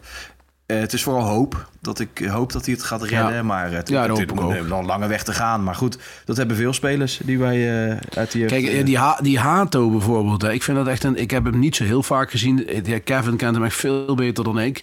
Maar ik vind hem wel iets hebben. En ook dat ik zat te denken toen jij dat vroeg, eh, Lars, van Mhm. welke positie. Stel, we halen niemand in de winterstop. Hè, waar zal dan de positie zijn waar men het eerste gaat teruggrijpen naar de jeugd? En dan denk ik toch dat dat ergens achterin zal gaan zijn. Ja. Dat daar de snelste redenen zullen zijn en ook de meeste noodzaak om in te gaan grijpen. In Ja. de aanval niet, denk ik. Op het middenveld niet, want er lopen nog genoeg spelers met een Taylor, met een Klaassen, met een Alvarez. Achterin is het toch heel broos. Hey, en wat, sorry dat ik je onderbreek, Bart, maar wat ook opvallend is, is dat we hebben eigenlijk een, een, een half seizoen geen regeer meer gehad op rechtsback. Nee, Eh, naar verluid zouden dat niet meer eh, gewenst ja, hebben. dat is het maar verhaal, hè? Alleen tegen, tegen Jong PSV speelde die weer rechtsback. En ik vond hem dat aardig doen. Ik vind, het, ik vind hem niet geweldig. Ik, ik vond hem aardig doen. Dus het zou zomaar kunnen. Ik bedoel, we zijn niet zo top bezet op rechtsback. Het zou zomaar kunnen dat hij daar eh, wel weer minuutjes gaat maken. Als ze nog niet gaan. Ja, het is natuurlijk wel gek, hè, Kevin. Want we hadden het begin van de podcast over Karsdorp. Hè? Kijk, Ja. het feit dat Ajax, even los van Karsdorp... Ajax is dus op zoek naar een rechtsback. Wat op zich best gek is. Want je hebt net, hè, even los van, Sanchez maakt een hele matige indruk. Maar die zit er net pas een paar maanden. Je hebt daar 5 miljoen voor betaald. Je zou zeggen van ja, om nu meteen door te happen. Ze zullen het licht misschien gezien hebben, maar dat verwacht ik niet. Nee. Je hebt Rens die het daar af en toe goed doet. Je hebt nog eventueel een regeel. Dus wat betekent dat? Ik denk Nou. dan dat ze met, met, met, met onze vriend Rens gaan schuiven. Ja, wat, ik zou, wat zou kunnen is dat als stel dat het blind weggaat, hè, wat er, eh, waar een grote kans, eh, eh, Ja. zo lijkt het. Maar eh, ja, ik heb altijd gezegd, ik vind Rangers op linksback eh, eh, altijd goede wedstrijden hebben gespeeld. En bij Rangers uit viel hij ook weer uit- in als linksback tegen PSV. Deed hij heel was goed. het- nou ja, ik, ik vind hem daar PSV was het acceptabel. PSV was echt acceptabel. Vond ik hem Ja. helemaal niet zo slecht. Dus misschien denken ze, nou, we gaan hem wat meer op links gebruiken. Eh, ik weet niet of dat zo is, nogmaals. Hè? Dat, is, dat is een aanname, maar Ja. Eh, dat daar een rechtsback bij zou kunnen komen. Ik, Maar zat, goed. ik, zat te, ik zat te filosoferen dat eh, we misschien wel na de winterstop een centrum hebben van Timber en Rens. En dat dan Bessie of Wijndal de nieuwe linksback wordt. Ja, als centrum weet ik het niet zo goed. Want ik ben zo... Ja, misschien zegt het niet zoveel omdat Ajax op dat moment al kampioen was. We speelden ze bij Vitesse uit. ja, klopt. Toen speelde hij echt matig. Ja, maar, matig. maar dat, was echt, dat was echt verschrikkelijk. Dat Ja. klopt. Dat was niet Maar hij heeft, in de jeugd ook, hij heeft in de jeugd ook heel vaak op links, eh, links Ja. centraal achterin gespeeld. Dat Ja. moet wel een beetje zijn jaar worden, hè, jongens. eh, van, van Ja, ja, ja, maar je moet niet vergeten, de jong was 17 hè, toen ze debuut maakte. Die was nog, ik bedoel, hij is nu geloof ik 19. Ja. Eh, hij loopt nog een jaar achter op, op, op Taylor. Dus ja, hij, eh, hij heeft nog wel de tijd. Ik vind Ja, hem ook wel echt het minst aan te rekenen van heel de defensie. Zeker. Alleen op een gegeven moment, hè, we weten allemaal hoe het werkt. Je, je kansen zijn zo snel. Op een gegeven moment zijn ze op. Dus dan maakt het niet uit of je 18 bent of 22. Bij Ajax krijg je een bepaal- beperkt aantal kansen. En dan moet je het op een gegeven moment eh, moet Ik- je doorpakken. Ik heb een beetje wel af en toe bij Rens de Urbi Emanuelson vibe. Als het beetje- koud wordt, dat hij dan de handjes in de Ja, ja, weet je wel, regen, nat, kunstgras, koud, ver weg. Mensen met een eh, accent, weet je wel, als je daar moet spelen. Dat heb ik wel een beetje dat ik denk van, ja... mm, dat heb ik bij Timber bijvoorbeeld totaal niet, weet je wel. Die, is gewoon, die speelt zijn wedstrijd en die zit soms minder in, in vorm, maar die doet gewoon zijn ding. Bij Rensje heb ik meer dat de omstandigheden ook altijd goed moeten zijn op een of andere manier. Ja. Maar goed, het is gewoon een gevoelskwestie, hè. Dat heb ik een beetje bij Wijndal eerlijk gezegd. Ja, Ja, dat is ook wel zo. maar dan minder die technisch. heeft, die heeft ook nog Ja. minder, minder gespeeld, hè, Wijndal. Ja. Hey Lars, even iets anders tussendoor. Heb jij je microfoon zachter gezet? Nee, Want ik hoor jou een stuk zachter. in Maar... principe niet. Maar dat vinden de dus luisteraars niet erg, hoor. Nee, maar in de edit, eh, in de edit trekt hij het allemaal eh, Ah, fijn. weer gelijk. Nee, Hey, top, ehm, top, top. Hoe staan we ervoor? Feyenoord staat de eerste met 33 punten. Ajax tweede met 30 punten gedeeld met PSV. En dan AZ 29, FC Twente 27. 14 wedstrijden gespeeld, nog 20 wedstrijden te gaan. Ehm, we herinneren ons natuurlijk allemaal nog die laatste week. Verloren de topper van PSV. Toen Ja. twee gelijke spelen tegen Vitesse en FC Emmen. Ehm, ja, we gaan nu weer richting die tweede seizoen zelf. Maar hoe gaat dit tegen vredesnaam goed komen? Wat is er nou echt nodig op de transfermarkt? Ja, weet- ja, kijk, ik vind het heel lastig. Hè? Kevin eh, die zegt de trainer moet weg. Ehm, nou, ik denk dat hij snel, dat hij als er niet heel snel een succes behaald wordt, dat dat ook daadwerkelijk gaat gebeuren. Maar ik vind wel dat Ajax ook wel verplicht is, ook een beetje naar Schreuder toe, om wel een kwaliteitsinjectieteam in te douwen. Want ja, we zien toch allemaal waar de heikele punten zitten. Ik denk dat de rechtsbuiten echt cruciaal is om te halen. Je kunt van Conceição niet verwachten dat hij nu eh, de tweede seizoenshelft er voor Ajax staat. Ik denk dat je achterin nog wel wat moet doen. Ik vind dat je een nieuwe keeper moet gaan halen, nu al. En eh, iemand eh, die goed aan de bal is. Nou, eh, Kevin en ik hebben een lijstje gezien. Daar word je deels vrolijk van, deels niet. Maar laten we in ieder geval een keeper halen die, die goed aan de bal is. Ehm, Want ja, dat zijn dat, dat lijstje is Nou, dat dan ik wat, je- vind wat dat- iedereen ik vind- ziet. ik- Noppert. Nou, maar Vlachodimos bijvoorbeeld is geen voetballende keeper. Dat is Nee. echt een lijnkeeper. Klopt. Maar bijvoorbeeld een Vlekken, dat is wel die goed aan de bal is. Maar ja, die, is, die heeft een paar ketsels gehad eh, de afgelopen half jaar. Ja. Ja, eh, zo zijn er nog meer keepers. Maar ik, ik zou er een halen die goed aan de bal is. Livakovic van, eh, van Kroatië wordt genoemd. Ik weet niet of dat Is die, hoe is die met de maar- bal? Ja, we durf ik weinig, durf- kan ik heel moeilijk eh, bepalen nu, Kevin. Ik heb op WK gezien, goed. volgens mij was dat wel redelijk. Maar ja, eh voetballende keeper lijkt me wel goed. Iemand die, kijk, pas weer eens lange ballen en zo. En onder druk is ook dit afgelopen maanden gewoon niet goed. Weet je Nee, waar ik een beetje voor vrees? Nou, We gaan nu heel erg hebben we dan de neiging om maar weer te halen, halen, halen. Maar eh, ik snap het hoor, want ik wil ook gewoon weer een goed team. Eh, en er zijn waarschijnlijk spelers die de, die de reet van de trainer zouden kunnen redden. Maar ja, eh, toen Van Basten kwam, toen moest er in één keer ook een pot met geld open. Soleimani, eh Haisati, Svitanic, Snow, Wielaert. moesten allemaal komen. En je kan er ook zwaar weer in de problemen van raken. Van allemaal contractspelers eh, waar je lang aan vast zit. Financieel gaat het hard achteruit als je Mhm. dan geen Champions League haalt. De salarissen zijn hoog. Dus ik, ik vrees enorm voor de manier waarop het nu gaat. Ik bedoel, er is niks veranderd sinds van de zomer. Nee, nee, ik ben het met je eens. Maar, dit, dat, maar Kevin, ik zeg ook, Ja. je moet wel versterkingen halen. eh, zekerheidjes. En dat is bijna niet te doen. Maar een Ziyech is wel een zekerheidje. hè. Ik bedoel, die kan een hele positieve impuls geven aan het publiek, aan de publieke opinie. Aan Maar de, dan moet, aan je, de, dan moet je ook echt daarvoor gaan. En niet voor eh een 24 Nee, maar, dat- jaar nee, maar dat, van dat moet je ook niet. Dat moet, ik, zou, ik zou zoiets doen. En, en Ajax kijkt voortaan in het, in het, in het, zeg maar in het international, international Nederlands elftal internationals. Ja. Ja, eh, Stefan de Vrij, weet ik veel. Of eh, niet, geen, ik- geen ik koopmijners. Ja, precies. Dus ik heb liever twee hele goeie. Ja, Eh, dan vijf halve. Ja, en dan dat je doe, doe, doe de rest maar met jeugd dan. Weet je, die zich Ja. op kan trekken aan die goede spelers. Maar goed. Maar ik zit dit Eh, een beetje aan te horen. En dan denk ik wel van ja, dat eerste half jaar destijds onder Ten Hag. Hè, daar kan je ook op teruggrijpen. Van ja, dat was, was ook niet goed. Stonden we nog met z'n allen op de rotonde. Ja, en toen kwamen ja, ja. Blind en Tadic. Ja, toen Ik was het eh, Ik heb gewoon een beetje het idee dat los van dat de ideeën van Alfred Schreuder niet altijd stroken met, eh, met deze spelersgroep, dat ook de balans in de spelersgroep en de kwaliteit, kwaliteitsbalans gewoon een beetje zoek is. Ja, maar ook de hiërarchische balans, eh, heb ik het idee, eh, Lars. Want als je ziet hoe, hoe halen spelers als Luca en Conceição het in hun hoofd om zulke gebaartjes te maken naar Emma uit, dat weet vond je wel. erg, jongen. Nou, maar Dat- dat, het, ja, het dat kan tekent toch wel. niet? Het tekent wel, toch? Ja, tuurlijk. Dan zeg je toch als, als bepalende spelers van... hé hey jongens, als iemand Ja. even zijn bek moet houden... zijn jullie Maar twee het? Dat klopt, Lars. Maar die bepalende spelers, in dit geval blind, was maar één ding bezig en was zichzelf. Ja. En, en dat is het grote probleem. Kijk, Tadic is dan nog degene die à la eh, Noah Lang en Dest eh, tot de orde roept. Maar ja, als een groot deel van die gearriveerde spelers moeite heeft om aan te haken voetballend en daarna ook nog vooral met zichzelf bezig moeten zijn, om wat voor reden dan ook, ja, dan, dan, dan zijn, blijven er weinig spelers over. En dan krijg je eh, poppen die dan gaan, eh, zeg maar, de hiërarchie gaan bestormen, die er eigenlijk helemaal niet thuis horen. Dus ik zou zeggen, eh, kijk, zie ik in alle opzichten, denk ik dat dat wel een puzzeltje zou kunnen zijn.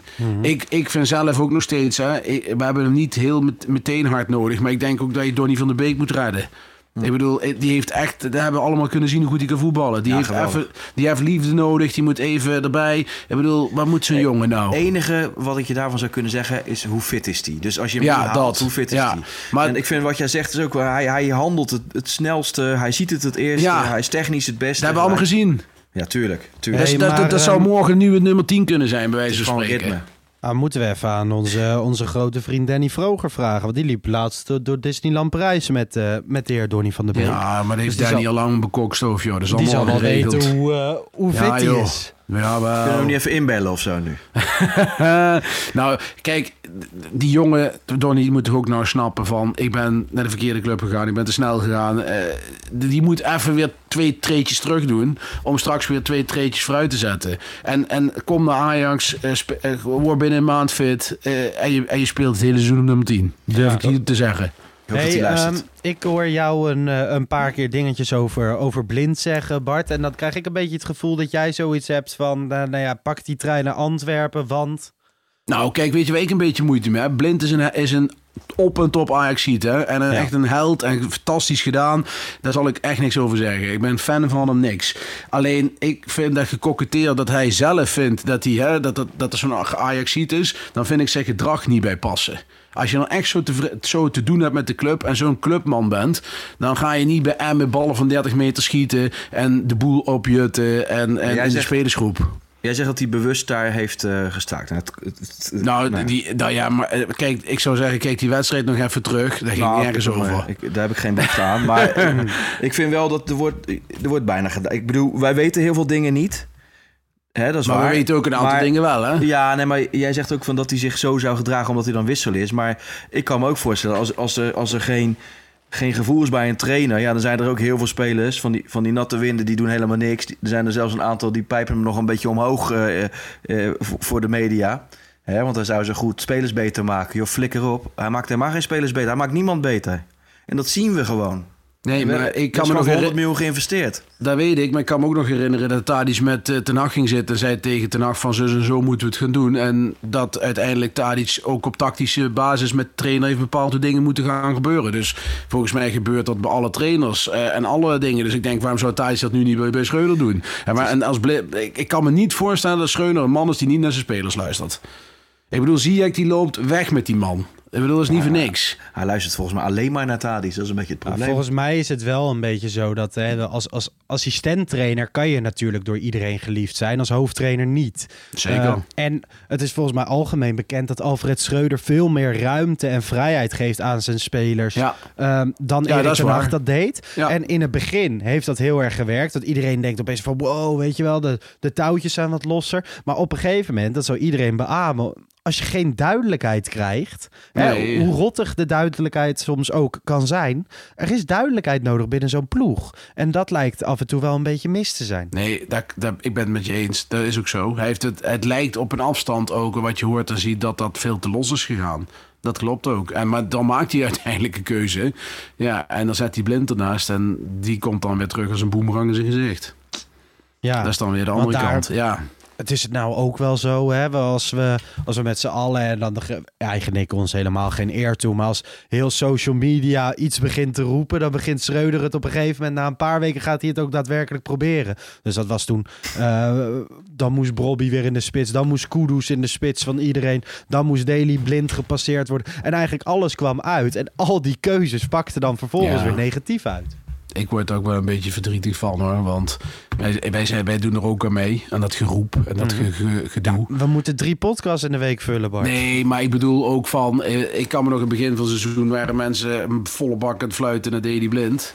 En die zijn nou... dat- van- Dat, Maar dat, dat dat moet je- valt mee, hè? Want dat waar, hoor je eh, op Bart. tv. Maar dat is echt maar een klein stukje in het stadion. Nou ja, dat goed, is echt Dat als er, als er percentueel heel 55.000 laag. mensen zitten en er zijn er 100 aan het fluiten, dan hoor je dat knijten Ja, hard. Hè? Dat snap ik. Maar op Twitter zag je ook de sentiment richting Blind. ja, en, de negatieve sentimenten vallen altijd op.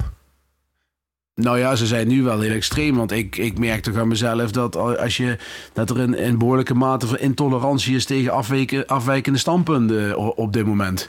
Hm. Want als je iets anders vindt dan. eh, Ik bedoel, ieder- iedereen is helemaal van het padje en, en in de stress. Dat is wel zo. Je mag echt nergens, mag nergens meer van vinden. Ik bedoel, ik vond eh Freek Jansen, die begon de, de, de Pak Schaal podcast, onze con-collega's, Mhm. die, eh, die begon dat uitstekend. Zo van, ja jongens, we zijn helemaal, helemaal loco geworden. En ik snap Nou, het, hè. het, moet ook goed, het, het, het is ook niet fijn om je club zo te zien, maar af en toe gaan we ook wel heel ver. Nee, maar ik denk, eh, eh, eh, kijk, ik, heb, ik vind Freek een prima vent. Ik heb hem hoog zitten. Alleen hij staat er even anders in. Hem maakt het geen reet uit of Ajax kampioen wordt.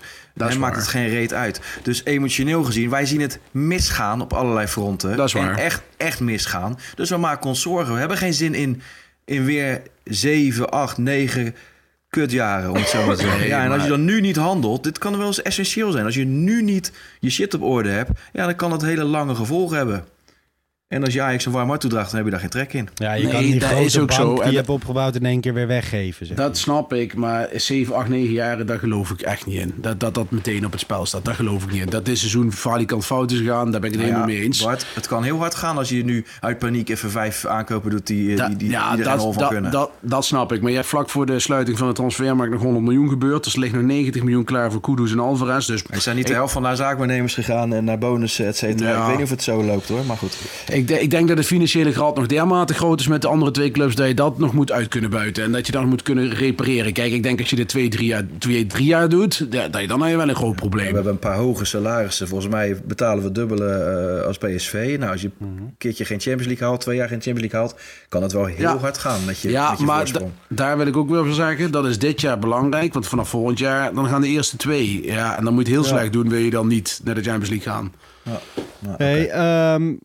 Het ene is het doemscenario, het andere is het iets mindere scenario. We krijgen wel cruciale weken Ja, direct. dat 100%. Zondag 8 januari speel je uit eh, bij NEC in de achtertuin bij Bart. Ja, dat is een klote wedstrijd. Dan weet je nu al dat dat een klote wedstrijd wordt. Dat gaat eigenlijk echt niet met 4-0 in hoor. Dat wordt echt wel weer een wedstrijd waar iedereen, ieder, er ligt vol en vol de druk op.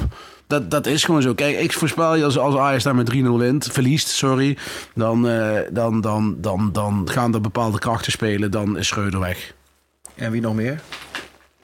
Wie nog meer? Wie gaat er nog meer weg? Nou ja, er heeft iemand heel bewust niet gehandeld de afgelopen anderhalf Dus jij Oh, zo bedoel van de je. Ja, nou ja, Ja. Dat, eh, dat mag ook een keer... eh, er mag ook een keer zijn lot eraan verbinden als je het mij vraagt. Ja, kijk, weet je wat het is, Kevin? Ook die vind ik weer wat moeilijker. En weet je waarom? Omdat de RVC van der Sar daarmee opgezadeld heeft. Eh, omdat de RVC het niet voor elkaar kreeg om een technisch directeur te vinden binnen acht maanden, wordt nu van der Sar die rol ingedrukt. Omdat hij nog het enigste beetje voetbalverstand van de directie heeft. En nou dat soort dingen moet gaan beslissen. Ja. Dus ik vind ook dat, dat we ei- uiteindelijk de pijlen ook op de RVC moeten gaan richten. Waar het voetbalverstand zit. Het voetbalverstand van de RVC werd uitgeleend aan het Nederlands elftal. Nou, Succes daarmee. Toen kregen we Adrie Koster. Vind ik een hele fijne vent. Maar of, de- of dat dan het, het voetbalverstand van Ajax moet zijn, Mhm. durf ik te, te betwijfelen. Ik bedoel, het begint altijd bovenaan en dan begint Ja, het bij de RVC.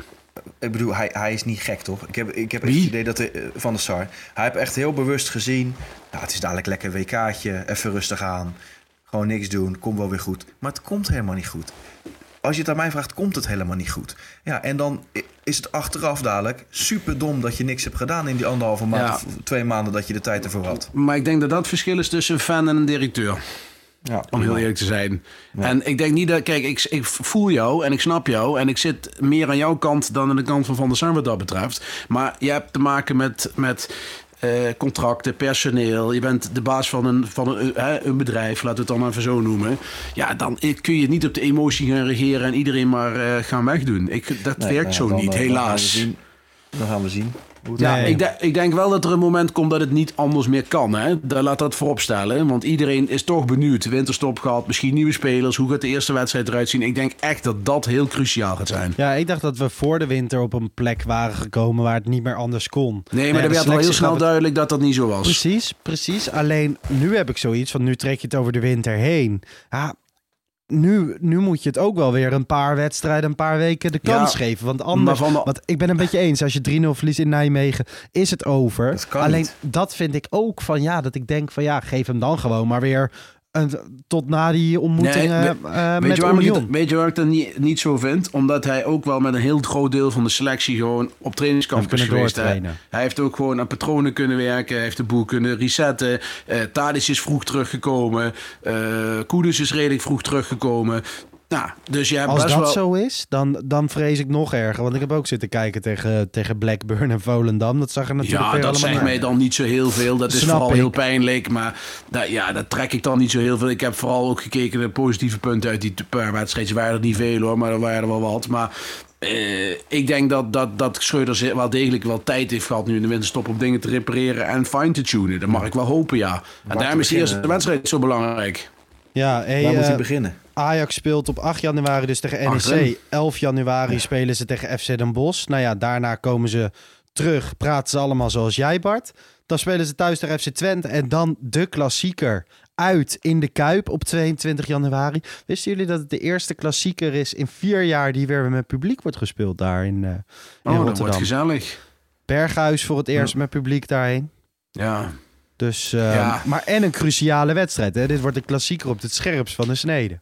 Ja, kijk, weet je, het ook is, denk ik, ik denk ook niet, kijk, Feyenoord gaat ook niet alles winnen, PSV ook niet. Ik bedoel, dat, dat Feyenoord staat nou puur toevallig bovenaan. Want eh, een, een- een normaal mens had nooit gedacht dat Ajax eh, eh, de punten aan Vitesse en... eh, eh, wat was de laatste wedstrijd ook alweer? Die ben ik even ontschoten. Maar die Emmen. Die, eh, dat daar punten aan verspeeld werden. Dat had niemand gedacht. Dus ja, eh, we gaan het zien. Nee, Ehm, dat gaan we zeker zien. Europees, wat verwachten jullie daarvan? We moeten tegen Union. In elk geval een prachtige away day, Kev. Ja, eh, ik heb daar wel zin in, eerlijk gezegd. Hè. Sowieso omdat het een away day met Ajax is en Berlijn nooit geweest. Eh, dus frisse moeten heen. Op hoop van zegen. Maar ja, eh, we gaan daar eh, ex-Ajax-ziet uh, Geraldo Becker tegenkomen als Ja. het goed is. Of niet. Eh, maar eh, ja, eh, snelle jongens. Hè? Hoop ruimte in onze rug vaak. Dus eh, we gaan het zien, joh. Ik, ik, ik wil daar nog niet echt aan denken. Nee. Dat is eind februari. En eh, ja, dan kunnen we er heel anders voor staan. En dat hoop ik vooral. Ja. Hey, eh, wij zijn altijd heel erg goed in voorspellen. Bijvoorbeeld Iataren werd het eh, totaal bij Ajax. Dus ik wil even afsluiten met de vraag... wordt Ajax wel gewoon kampioen? Eh, begin jij maar, Bart. Ja, ik, ik vind dat heel moeilijk. Kijk, eh, je moet wel heel positief ingesteld zijn en nu te zeggen ja. Ik hoop het vooral, laat het dat voorop stellen. Maar ik, ik, ik, ik weet het niet hoor. Ik denk, eh, er hangt te- de- je moet mij dat 31 januari vragen. Dan kan ik er wat meer over zeggen, denk ik. Dat ga ik ongetwijfeld doen, gezien we heel veel podcasts weer gaan maken. Maar wat denk jij op dit moment, Kev?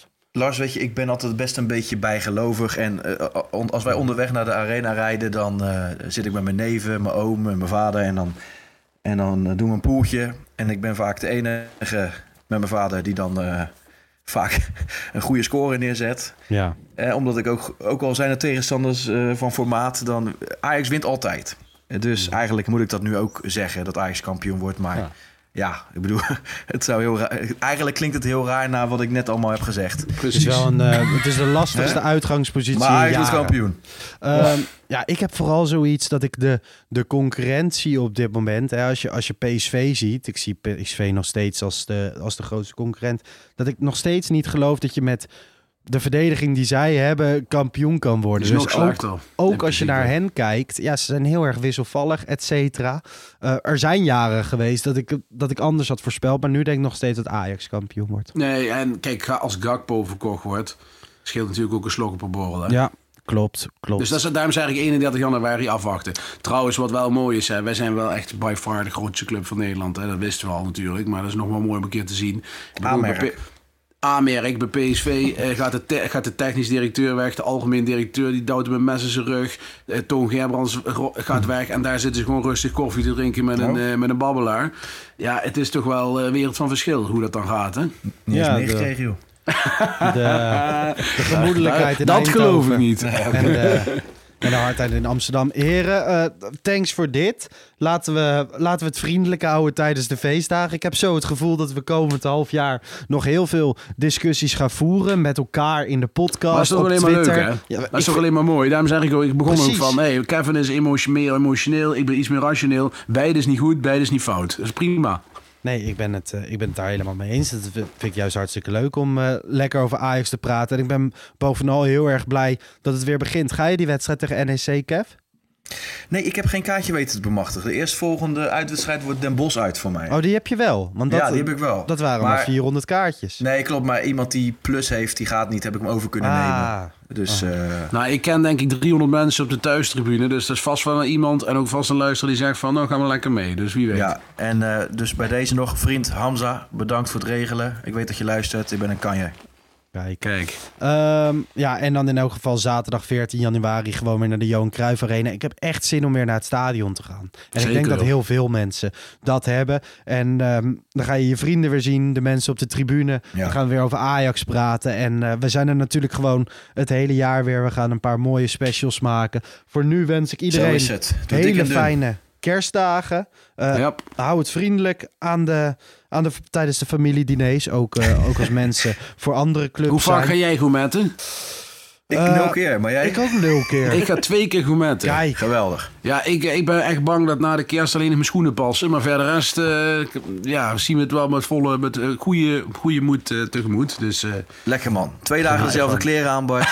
huispakkie, huispakkie. en geen, eh, geen hard vuurwerk afsteken, hè, want dan verlies je Nee. je vingers. Nee, Gaan jullie precies. vuurwerk afsteken? Zijn jullie daarvan? Ik was daar vroeger wel Bijlootje. van.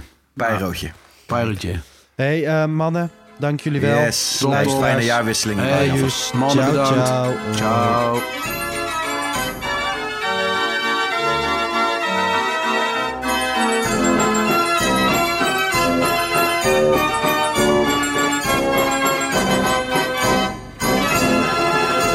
Let's go Ajax.